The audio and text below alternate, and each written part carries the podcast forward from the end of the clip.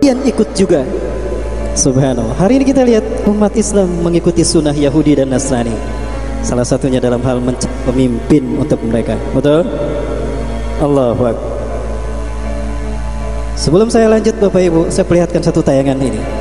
Ini bukan ranah sekali lagi menyebar kepada seluruh aspek hidup kita. Dan bukan hanya kalangan para pejabat, politikus dan bisnismen tidak. Semua ranah usia kena termasuk para remaja kaum milenial.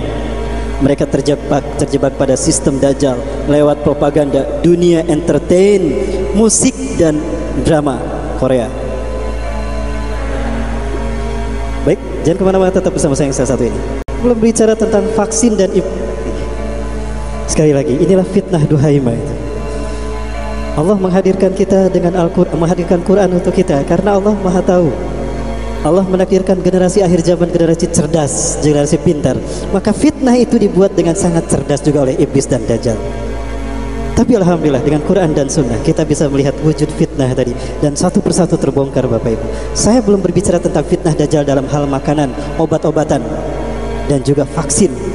Yang vaksin ini bisa masuk ke dalam kategori yang berbahaya ada satu upaya untuk mengontrol populasi kontrol population ayat hanya satu chip. Diberlakukan sebuah vaksin karena sebuah pandemi.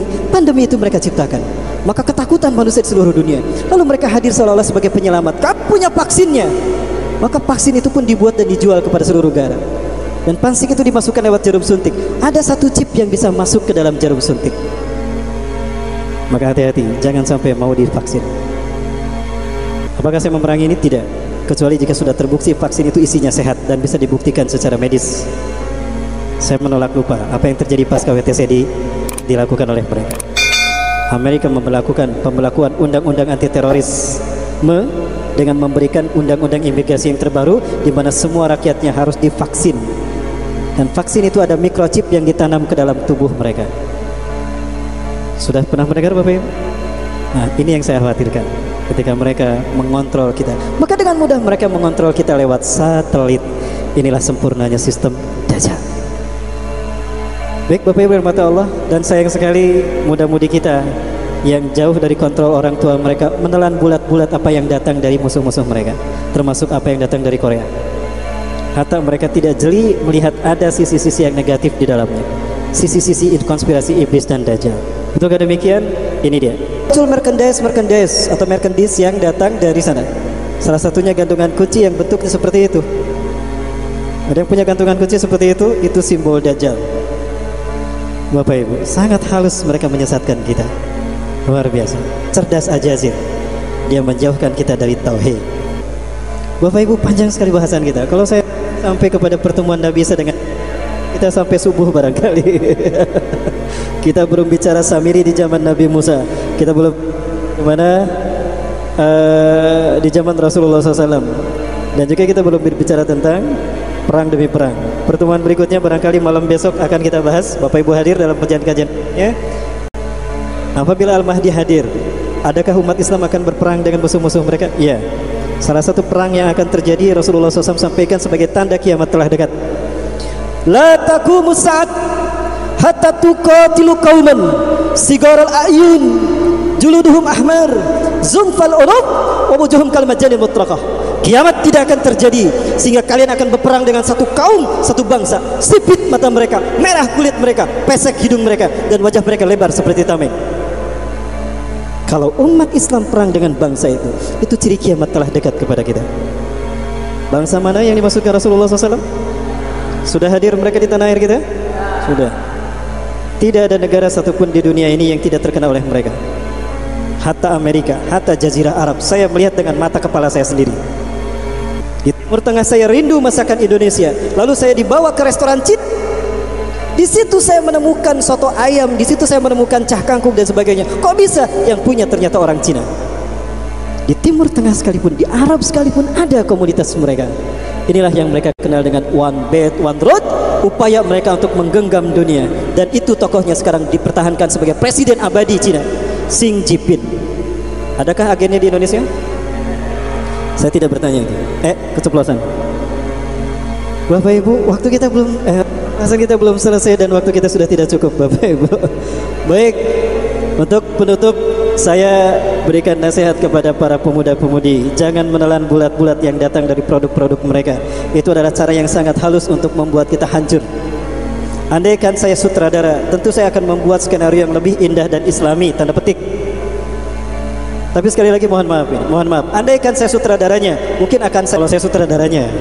Mohon maaf sekali lagi kalau saya tampilkan ini di dalam masjid.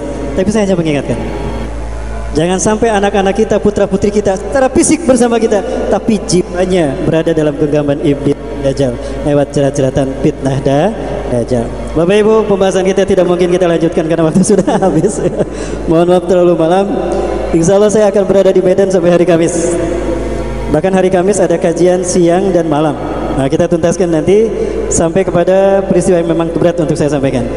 Nah, kita kita bahas fitnah duhaima dalam hal uh, reduction of population, mengurangi populasi manusia dengan banyak cara, bukan hanya dengan pandemi yang bernama Ebola, antraks, flu burung, SARS, MERS dan pandemi COVID-19. Nanti akan ada virus-virus lain.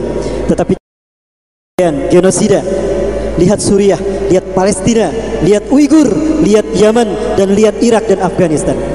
Kita akan bahas dalam pertemuan dengan tema kita tentang wahan, cinta dunia dan takut mati. Bapak Ibu, Sebentar lagi pertarungan yang besar ini akan terjadi. Dua pasukan yang terbaik sudah saya lihat di muka bumi ini. Ahlus Syam. Beberapa kali saya bertemu dengan mereka. Mereka sudah terlihat seperti itulah mereka yang dimaksudkan Rasulullah. Ashabul Yatisut Taliban. Sepertinya mereka lah para panji hitam yang Rasul sebutkan akan muncul dari bumi Khurasan. Satu lagi pasukan yang sedang ditunggu-tunggu kehadirannya. Sehingga mereka pun datang dan mempertanyakan kehadiran Taifah Mansurah. Kenapa disebut Taifah Mansurah? Taifah kit'atun minal muslimin. Disebut taifah karena jumlah mereka sedikit dari umat Islam. Mansurah ditolong karena mereka hadir dari negara yang di oleh penguasa mereka. Dan saya berharap Taifah Mansurah itu adalah Indonesia. Pertanyaannya, pernahkah Rasulullah menyebutkan Indonesia?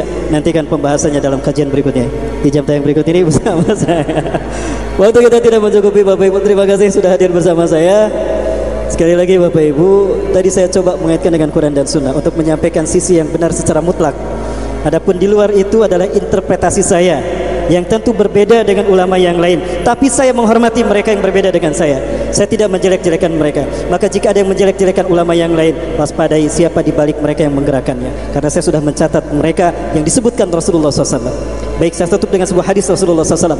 Saya khruju fi akhir zaman qauman tahkiruna salatakum ma salatihim wa tahkiruna qira'atakum ma wa tahkiruna a'malakum ma a'malihim akan muncul di akhir zaman satu kelompok manusia yang kalian akan merasa remeh dengan solat kalian dibandingkan solat mereka hebat ketika mereka solat Watahkiruna qira'atakum ma qira'atihim. Kalian akan kagum dengan bacaan Quran mereka dibandingkan Quran kalian. Seolah-olah Quran turun untuk mereka. Watahkiruna amalakum ma amalihim dan kalian akan kagum dengan amal ibadah mereka. Hebat sekali kajian ribuan mereka dan mereka punya berbagai macam alat teknologi, bahkan punya stasiun televisi dan radio. Tapi apa kata Rasulullah? Rasulullah SAW menegaskan hum yamrukuna minad din kama yamruku sahum min ramyatih. Mereka lepas dari Islam seperti anak panah yang terlepas dari busurnya. Sekali lagi, mereka lepas dari Islam sebagaimana anak panah yang lepas dari busurnya. Allahu Akbar. Kalau anak panah lepas dari busurnya, balik lagi tidak?